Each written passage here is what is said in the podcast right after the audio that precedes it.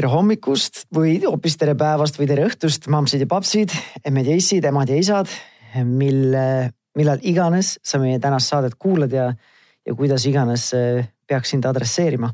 see on Pere ja Kodu podcast ja mina olen Tanel Jeppinen. ja täna on natukene erilisem või teistsugusem saade kui tavapäraselt.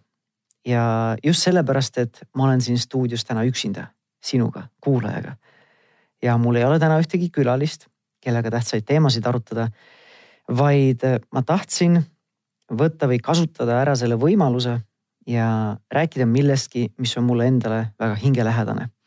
ja selleks on laste karistamine. või õigemini võiks siis öelda, et laste kasvatamine karistusteta. ja seda öeldes ma ei, ei julgusta mitte kedagi olema nii-öelda mitteosavõtlik lapsevanem ja lasta kas- ja lasta lastel kasvada nii nagu jumal juhatab, nii nagu nad ise heaks arvavad. sest äh, ma usun sada protsenti sellesse, et meie lapsevanematena peame oma lapsi juhendama, nende jaoks olemas olema, neid õpetama vajadusel, aga ka neid kaitsma. ja näitama, kuidas siis see maailm opereerib ja kuidas siin siis äh, hästi hakkama saada. ning selleks tuleb seada aeg-ajalt piire, aga neid piire tuleb osata ka empaatiliselt hoida ja see on täiesti eraldi teema, teema, see piiride teema. aga mina oma hinges usun, et karistused või karistamine kui kasvatusmeetod, minu silmis see ei ole see õige viis, kuidas seda kõike saavutada või kuidas seda kõike teha. ja ma saan täiesti aru, et see karistamise teema on väga selline suur ja lai. nii et ma isegi vahepeal olen siin täna nagu mõelnud, et kust seda teemat teiega alustada. ja ja ma võtan, ma arvan, kokkuvõttes mingi paarkümmend, kolmkümmend minutit täna, et anda selline võib-olla ülevaatlik selline info edasi, millesse ma ise usun. ja kuna tänane aeg on meil piiratud, siis ma keskendun täna just sellele, et miks lapsi mitte karistada ja miks otsida või uurida alternatiivsete lähenemiste kohta. ja lõpupoole räägime natukene ka sellest, et natukenegi mingi siht siis sulle anda, et mida selle karistamise asemel teha kui ma nüüd otsustan, et, et see on asi, millest ma tahan eemale hoida. et kui me võtame, et see on siis minu selline lapsevanema tööriistakast ja ma võtan siit nüüd ühe suure tööriista ära. et loodus tühja kohta ei salli, midagi peaks sinna siis asemele panema. ja, ja sellest natukene lõpupoole räägime, kuigi mitte täna väga põhjalikult. nii et eh, kui natuke sulle võib-olla ka siis üleskutse, et kui see tänane teema kõnetab sind, siis jaga seda, seda saadet oma teiste lapsevanematest tuttavatega. sest eh, kui, kui sellel saatel läheb nii-öelda kuulamiste arvestuses hästi, siis see on mulle signaal, et see teema läheb sulle kuulajale korda ning me saame lähiajal teha ka siis sellise jätkusaate, kus me läheme võib-olla rohkem süvitsi nende teemadega.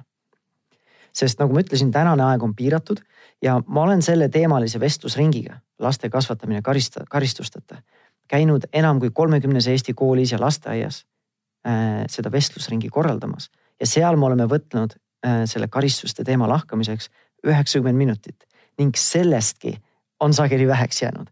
nii et äh, sinu aega austades ma ei saa täna võtta kaks tundi, et see teema lõpuni lahti arutada, on ju. aga kuigi me ei saa täna super põhjalikuks minna, siis ma loodan, et see on, siin on kaks sellist potentsiaalset tulemust tänase saatele, et kui sa oled harjunud oma lapsi karistama, siis tänase saate lõpuks oled sa vähemalt natukenegi avatud ümber hindama selle taktika või lähenemise efektiivsust. või kui sa juba oled omadega seal, et sa ei usu selle lapse karistamisse, siis saad vähemalt kinnitust, et sa, et sa oled õigel teel. ja ma ütleks, et vanemlusmentorina ja töötades lapsevanematega ma julgeks öelda, et ma olen võrdlemisi avatud üldiselt siis erinevatele lähenemistele, kuidas lapsi kasvatada.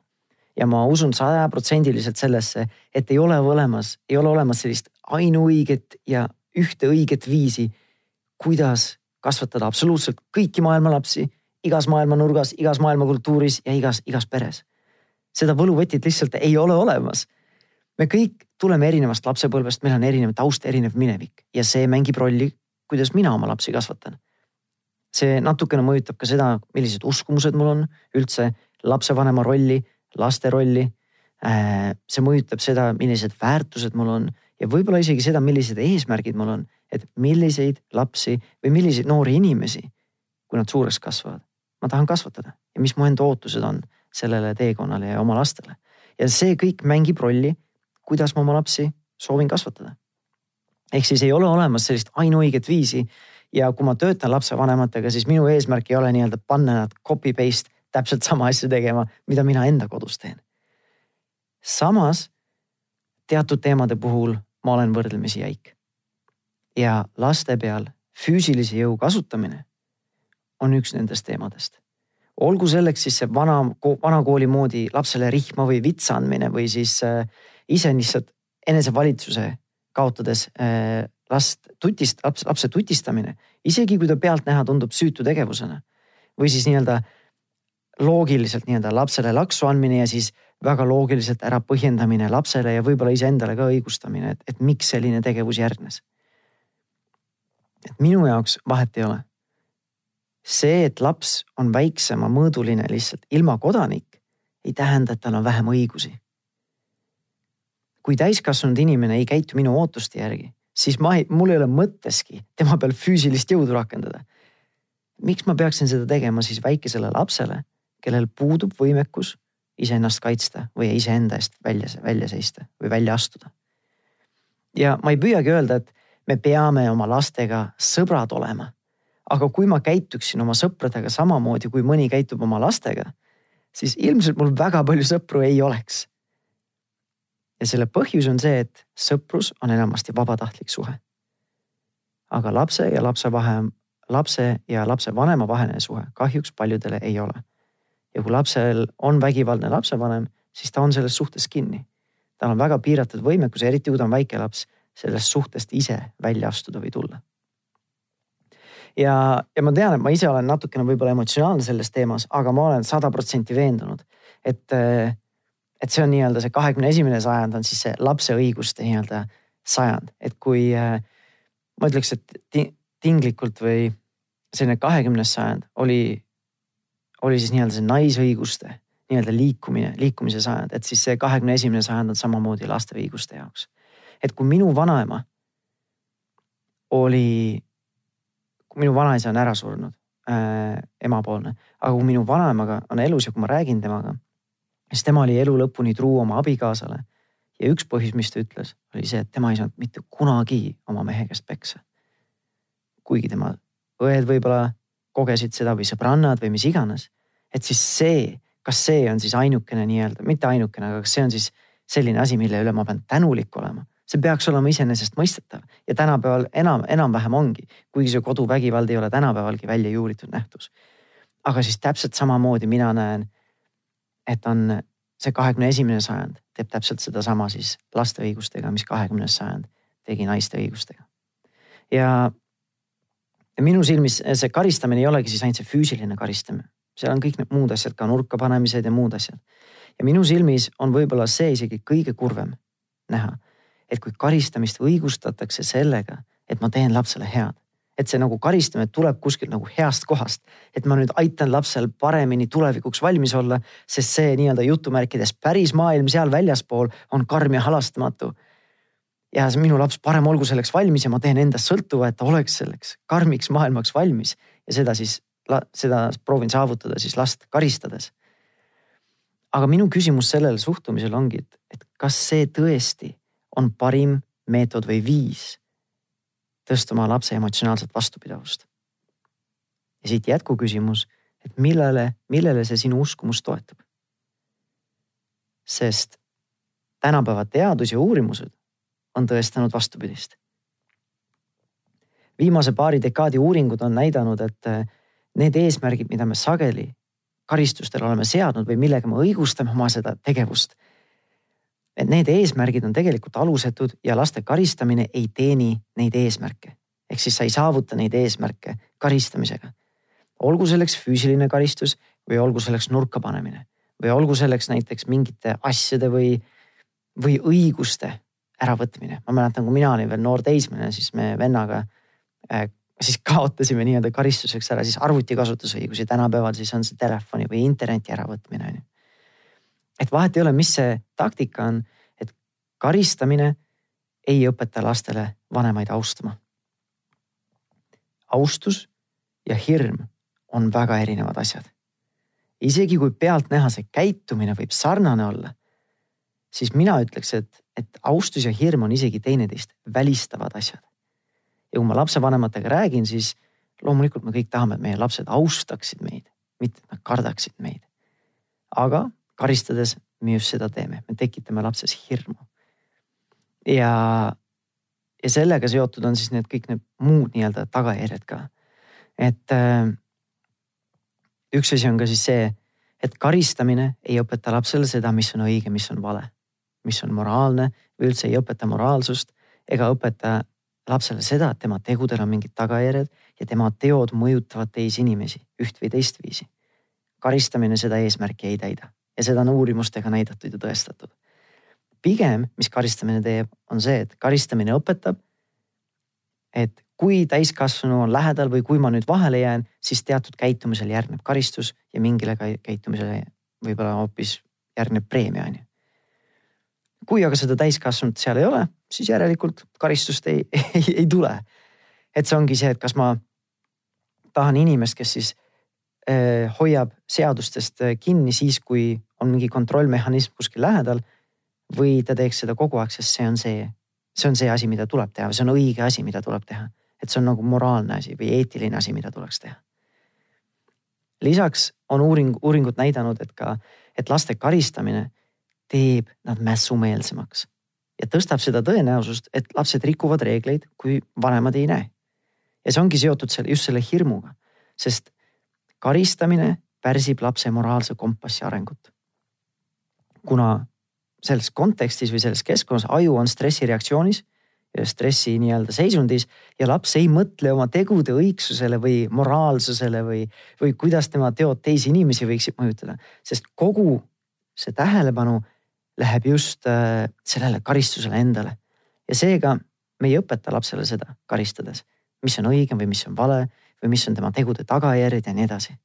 laps lihtsalt ei õpi seda, selleks on muid viise, kuidas me saame õpetada lapsele moraalsust, eetilisust, mis on õige, mis on vale ja nii edasi. aga karistamisega seda ei saavuta.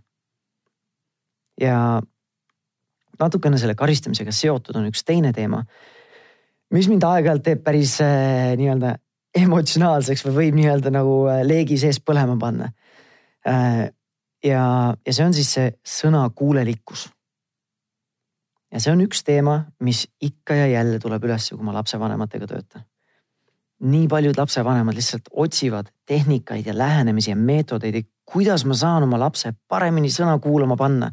et kuidas ma saan teha, et ta lõpuks ikkagi sõna kuulab, kui ma ütlen, et ta teeks seda, et siis ta teeks lõpuks, mitte ei hakkaks vastu vaidlema või jonnima või mis iganes. ja ma saan aru, see on emotsionaalselt raske lapsevanemale, need olukorrad. aga minu seisukoht on natukene teine või tuleb teise nurga alt. mina enda lastelt ei oota pimesi sõnakuulelikkust. ja pelgalt sellepärast et ma ei oota nagu, et lapsed teeksid midagi pelgalt sellepärast, et äh, mina annan neile mingi korralduse. ja ma pole veendunud, et needsamad lapsevanemad, kes ütlevad, et nad tahavad sõnakuulelikkust, et see sõnakuulelikkus on tegelikult see, mida nad tahavad. ja ma täiesti usun, et vahepeal ajab hullult närvi või kettasse, et kui lapsed ei järgi korraldusi endal veel, kui endal on veel kiire ka või sa ise oled nagu emotsionaalselt juba ülesse keeratud, et see on väga raske, on võib-olla ennast valitseda sel hetkel kui lapsed käituvad risti vastupidile sellele äh, või risti vastupidiselt sellele, mida mina ütlen või mida mina soovin, on ju. et teatud piirini see on loomulik lapse käitumine, lapsed testivad lapsevanemate piire. aga see ei tähenda, et see peab nii-öelda lõpuni niimoodi minema või see peaks väga nagu vägikaikav veoks nagu kujunema. Äh, ja nagu ma ütlesin, et mina nagu seda sõnakuulelikkust taga ei aja. pigem ma tahan, et minu lapsed kasvaksid iseseisvateks noorteks inimesteks, kes suudavad ise kahe jalaga maa peal olla ja mõelda, mis on õige, mis on vale. ja ma loodan ise oma kasvatusega, oma juhendamisega, oma selle suhtega, mis meil oma lastega on, anda neile kaasa teatud väärtused edasiseks eluks, mis aitavad neil ise paremaid otsuseid teha. et mingil määral kehti-, nii-öelda need väärtused olekski nii-öelda nagu filtriks neile, mis aitavad neil paremini otsuseid teha et ma ei soovi seda, et kui keegi, olgu selleks siis nende ülemus või nende poiss või tüdruksõber või sõbrad või ükskõik kes muu, keda nemad ise võib-olla autoriteediks peavad või keda nad austavad. et kui see keegi teine ütleb hüppa, siis minu laste ainukene vastus on selleks, et okei okay,, kui kõrgele. ma soovin, et nad suudaksid ise, iseseisvalt otsuseid teha. ja kui on vaja, kui olukord nõuab, et neil oleks võimekust, julgust astuda nii-öelda vastu siis sellele mainstream'ile või siis autoriteedile. aga seda on paraku raskem saavutada, kui siis seda sõnakuulelikkust. kui see sõnakuulelikkust taga ajad, siis ma ei tea ausalt öeldes paremat äh, nii-öelda lahendust, kui lihtsalt ongi hirmuga. hirmuga sa saavutad selle, et laps teeb igat asja, mida sa ütled, sest ta lihtsalt kardab tagajärgi, mis sellele järgneb. eriti kui need tagajärjed ja karistus on piisavalt karmid või ranged, on ju. aga aga ma nagu, nagu ma ütlesingi, et ma julgustan kaaluma ja mõtlema, et kas see sõnakuulelikkus on see, mida sa soovid. sest ütleme, kui minu lapsed või sinu lapsed või kes iganes, lihtsalt kellegi kolmanda isiku lapsed kasvavad suureks, nad on noored inimesed. et mis annab sellele noorele inimesele võimekuse või julguse öelda ei oma sõpradele. kui nende sõbrad pakuvad narkootikumi ja ütlevad, et see on see, kuidas, see ongi see, mida tehakse, see on normaalne. ja kui sa seda ei tee, siis sa oled võib-olla ise imelik või oled siis nii-öelda see äh, nii-öelda see nõrk lüli või mis iganes, et ei, ei, ei nagu see ei kuulu siia, on ju. või mis annab näiteks sellele noorele tüdrukule julguse öelda ei kellelegi, kes surub ennast talle peale või kellelegi, kes surub peale teha midagi, mida tegelikult see tüdruk ise ei taha teha. mis ta, mis annab talle selle julguse või võimekuse ei öelda, kui ta on harjunud lapsest saati pimesi kuuletuma. et äh, sõna kuulelikkuse asemel mis mina arvan, et see on nagu, mina ütleks, et see on nagu toksiline nähtus, mida lastest oodata. aga sõnakuulelikkuse asemel võib-olla peaksime püüdma hoopis saavutada seda, et lapsed on valmis meiega koostööd tegema. ja pealtnäha see võib paista sarnasena, sõnakuulelikkus ja koostöö altisus. et see võib paista sarnasena, et kui ma annan talle mingi korralduse või ma palun midagi, ta teeb selle ära. aga nii-öelda tuumas on need asjad väga erinevad. ühe käitumise taga on hirm tagajärgede või karistuste ees. teise käitumise taga on vabatahtlik soov seda teha. ja koostööd ei saa kellelegi peale suruda, koostöö on vabatahtlik. ja selle saavutamiseks peab laps ise soovima sinuga koostööd teha. ja selle saavutamiseks peab lapsevanem olema selline lapsevanem, kellega laps soovib või tahab koostööd teha. ehk siis see suhe peab olema toetav. ja mulle meeldib selline rahumeelse vanemluse selline seisukoht või suhtumine, et laste kasvatamine on kaheksakümmend protsenti lapse ja lapsevanema vaheline suhe ja ainult see ülejäänud kakskümmend protsenti on siis selle lapse juhendamine. Nende sinna, sinna hulka lähevadki siis see piiride pidamine ja nii edasi. ja oma kogemusele toetudes, ma tean, et võib-olla mõnel kes siin kuulab, võib-olla sinul endal. see kodune olukord mõnikord on lihtsalt nii käest ära, et see nagu ei, ei tundu tõene väide. aga oma kogemusele öeldes ma ütlen, et lapsed tahavad teha lapsevanemaga koostööd.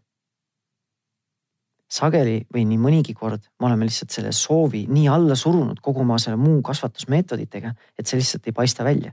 et tulebki välja ainult see mässumeelsus ja selline vägikaikavedu ja sarvede põrgatamine.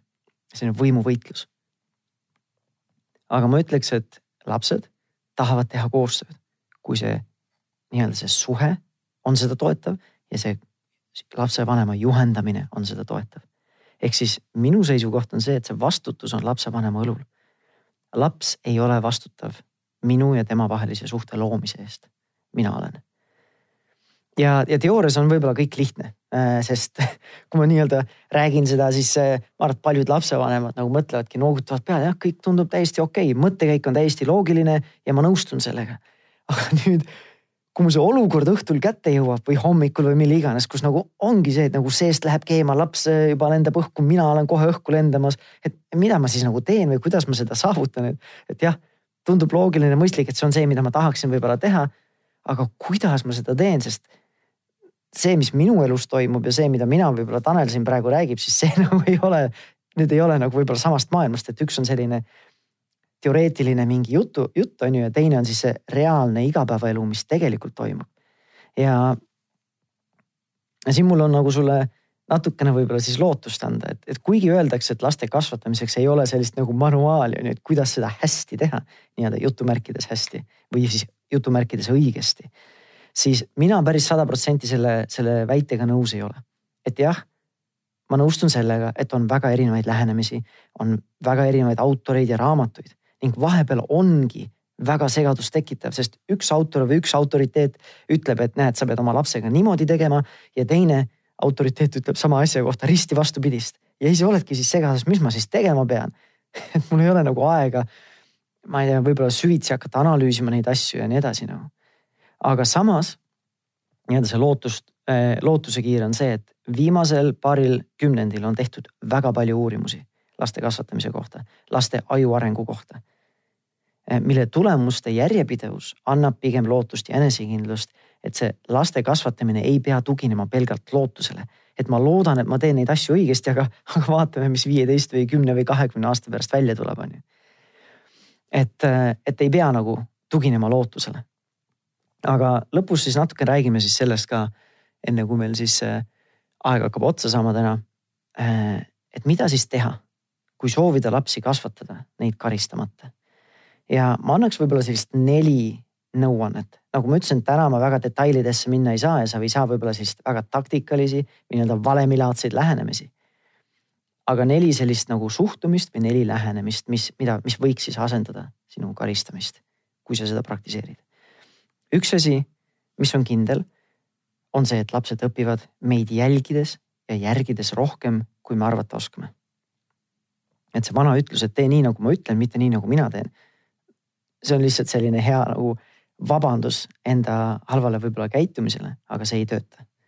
näiteks täna hommikul, enne kui ma siia Tallinnasse stuudiosse tulin, oli huvitav seik, kus eh, mina pesin vannitoas hambaid peegli ees ning meie üheaastane eh, oli puki peale roninud minu kõrvale ja iseenda hambaharjaga siis, noh, mina pesin hambaid, tema siis näris enda hambaharja, onju. ja veel enne, kui mina olin oma nii-öelda selle protseduuriga lõpetanud, teeb poja siis mul kraani lahti, laseb, loputab oma hambaharja seal all natukene ja siis proovib sülitada kraanikaussi, aga tal ei olnud midagi sülitada, aga ta proovib sülitada kraanikaussi ja siis paneb kraani kinni.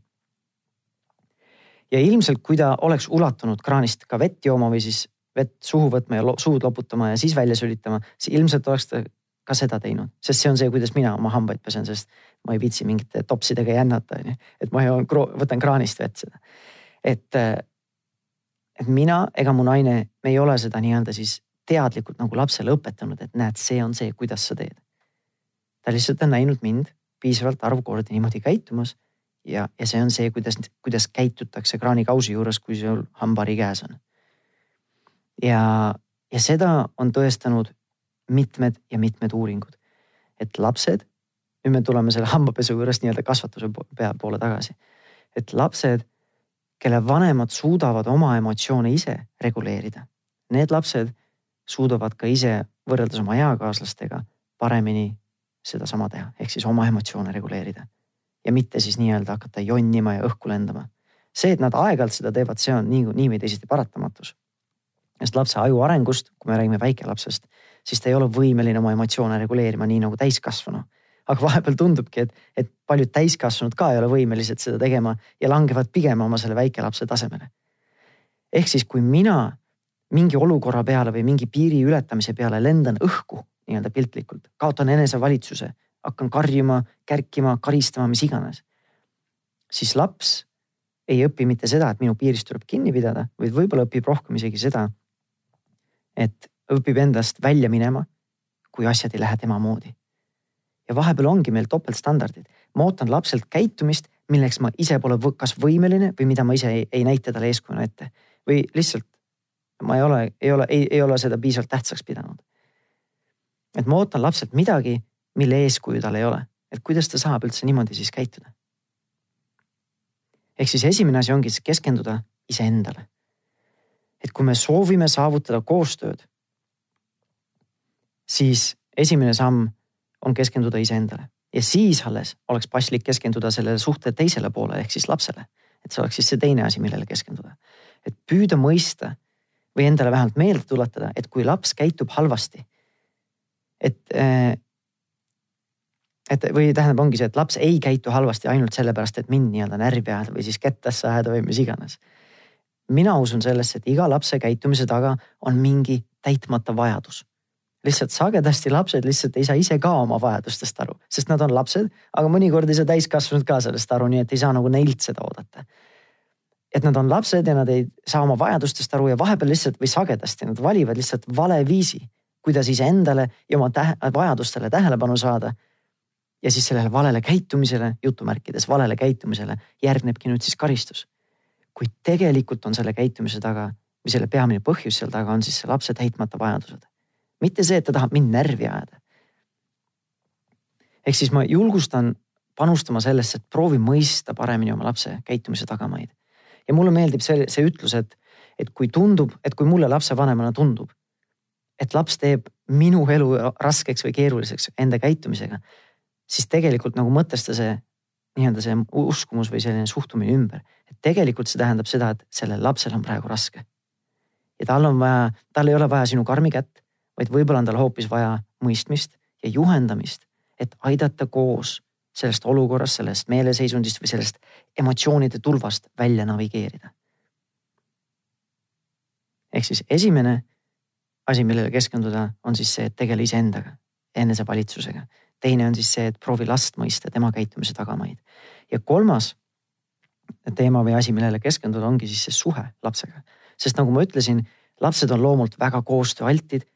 Kui nende vajadused on täidetud ja see suhe lapsevanemaga on usalduslik, soe, austav ja lugupidav. sest kui mina austan ja pean lugu oma lapsest, siis laps vastab sellesamaga. ja siis neljas asi ongi siis see nii-öelda võib-olla see kõige viimane alles, et kui see, mina olen korras, lapse vajadus on täidetud ja siis äh, meie vaheline suhe on vastastikune, mõlemasuunaliselt austav ja lugupidav. Siis see loob juba eeldused, et minu tehnikad ja lähenemised oleksid efektiivsed. ja see ongi alles neljas asi, millele mõelda, on siis need tehnikad ja lähenemised mille hulka kuulub ka piiride kehtestamine, kuidas seda teha, kuidas neid piire seada, kuidas neid piire hoida, kui laps juhtub nendest üle astuma ja nii edasi nii et äh, sellised nii-öelda neli, neli teemat või asja siis, mida siis karistuse asemel proovida, äh, millele proovida keskenduda. ja nii et siis järgmine kord, kui ongi see, et sa ise tahaks nagu vulkaan õhku lennata, et see laps teeb midagi, mis, millega sa ei nõustu või astub su piirist üle. et selle asemel, et hakata autopiloodil puusalt paugutama või kas kärkima või karistama või, või mis iganes, siis proovi mõelda nendele neljale asjale kui mõelda sellele, et sinu enesekontroll on tähtis, mitte ainult olukorra lahend-, rahulikuks jäämisel antud olukorras või hetkel, vaid eeskujuna. siis proovi mõelda lapse vajadustele, miks ta käitub nii, nagu ta käitub. Proovi keskenduda sellele, et see lapse suhe jääks korralik, heaks nii-öelda. sest mul, ma võin last aktsepteerida ja tingimusteta armastada, aga hoida piiri mingi käitumisega, et laps ja käitumine on erinevad asjad ma saan lapsele lugupidavalt, lapse, lapsest lugupidavalt suhtuda, aga mitte nõustuda mingi käitumisega, see on võimalik. see ongi see, mida peaks tegema. Et siis see suhe lapsega ja siis neljas on siis alles siis nii-öelda need taktikalised lähenemised, et kuidas ma selle lapsega käitun, mida ma selles olukorras teen, kuidas ma seda piiri hoian ja nii edasi. ja ma tean, et need tänased nii-öelda need neli nõuannet ei ole väga spetsiifilised või et noh, vanematega töötades ma saan aru, et sagedasti meie ootused on see, et ma ei taha sellist ümmargust juttu, anna mulle mingi kolme või neljasammuline valem, mis aitab mul kõik probleemid lahendada. Siis ma julgustan natukene, natuke sellist mõtlemist võib-olla muutma või suhtumist. laste kasvatamine ei ole tehniline või taktikaline tegevus. see on, see on rohkem suhte loomine ja suhte ehitamine. ja inimestevahelised suhted on vahepeal keerulised ja nendesse ei saa läheneda nii-öelda tehniliselt või siis taktikaliselt on teatud lähenemisi, mis aitavad loomulikult, aga, aga see ei ole, need tehnikad ja, ja lähenemised ei ole asja tuum. Ja nii nagu ma saate alguses ütlesin, et kui, kui nii-öelda see saate teema läheb sulle korda, kui sa täna õppisid midagi või nii-öelda oli võib-olla mingi selline ahhaa-moment või selline julgustav moment, et jah, jah, see on see, eh, kuidas ma nii või teisiti tahtsin teha või olen nagu mõelnud teha, millesse ma usun, et sain natukene julgustust, et see on, see on see, kuidas võikski teha. et siis jaga seda, jaga seda saadet ka teiste vanematega ja kui need kuulamisi on teiste saadetega võrreldes piisavalt palju, siis annab mulle tagasisidet, et see teema läheb korda ja me saame rohkem ja rohkem neid teemasid siis arutada. seniks, aga vahepeal siis jälgi ka Pere ja Kodu ja Delfi veebikeskkonda ja ka Facebooki lehtesid, sest aeg-ajalt või, või päris sageli tegelikult tuleb seal päris mõnusaid ja asja, asjakohaseid ja selline asjalikke artikleid nendel samadel teemadel välja. ehk siis sa ei pea nagu ootama kuu aega, kuni, kuni tuleb järgmine podcast'i episood just samal teemal edasi, on ju. ja, ja kui mingil põhjusel sa soovid minuga rohkem kahepoolselt suhelda, siis eh, ma juhin või modereerin eh, lapsevanematele suunatud Facebooki gruppi Positiivne ja rahumeelne vanemlus, kus praeguseks on circa kuus tuhat lapsevanemat meiega juba liitunud. et just neil lapsevanemate igapäevastel teemadel arutleda ning tuge saada. ja kui sa oled Facebookis aktiivne ja see teema kõnetab, siis tule liitu sinagi seniks aga suur aitäh kuulamast ja kohtume juba siis järgmises saates, tšau